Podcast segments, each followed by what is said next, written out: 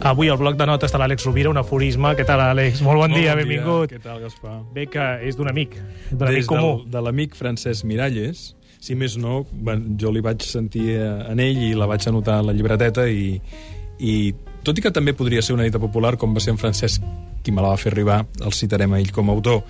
I l'aforisme o la frase és molt, molt breu també, però és molt bonic. Diu, alguns persegueixen la felicitat mentre que d'altres la creen. I certament, eh, hi han dues postures davant de la felicitat, no? El límit, aquells que es passen la vida perseguint-la i aquells que es dediquen a crear-la, no? En aquest sentit, podríem dir que probablement la felicitat no es busca, es troba. Però es troba en un exercici actiu, perquè si fem de la felicitat un objecte o quelcom que hem de trobar, i a més ho hem de trobar amb ansietat imperiosament, és com aquell que diu ostres, quin estrès que tinc que no arribo a la classe de ioga, no? Podem caure en una contradicció total i absoluta, no?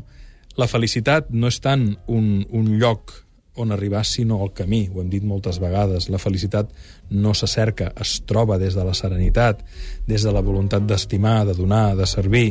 I, per tant, podríem dir que és molt cert això, no? de, que, de que no es tracta de, de, de buscar-la com si fos un objecte, sinó senzillament de crear-la. Um, la mare Teresa de Calcuta deia jo tan bonic, no? on, hi, on no hi ha amor, posa amor i trobaràs amor. Extrapolem, on no hi ha bellesa, posa-hi bellesa i potser trobaràs bellesa.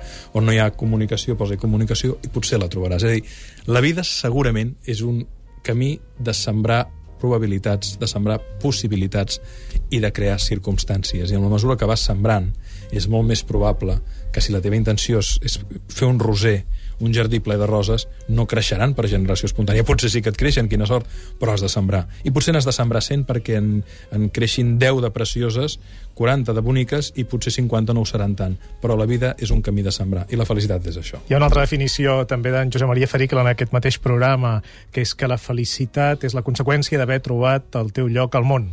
És, sí, és que de fet, exacte, i la felicitat és un concepte polièdric, perquè tem, es pot interpretar metafísicament des de, o existencialment des de la voluntat de trobar un sentit a la vida i el teu lloc en el món, també es pot vincular a la dimensió de l'afecte, som feliços quan estimem i ens sabem estimats, també a la consciència, som feliços o som plens quan comprenem i posem la consciència al servei de l'amor, o des de tantes i tantes dimensions. Però en qualsevol cas, el factor comú és que certament hi ha qui es dedica a buscar-la i hi ha qui es dedica a crear-la. Creem-la, doncs. Ja dies, Àlex, que això no és un bloc de notes, que és l'enciclopèdia de notes de l'Àlex Rovira.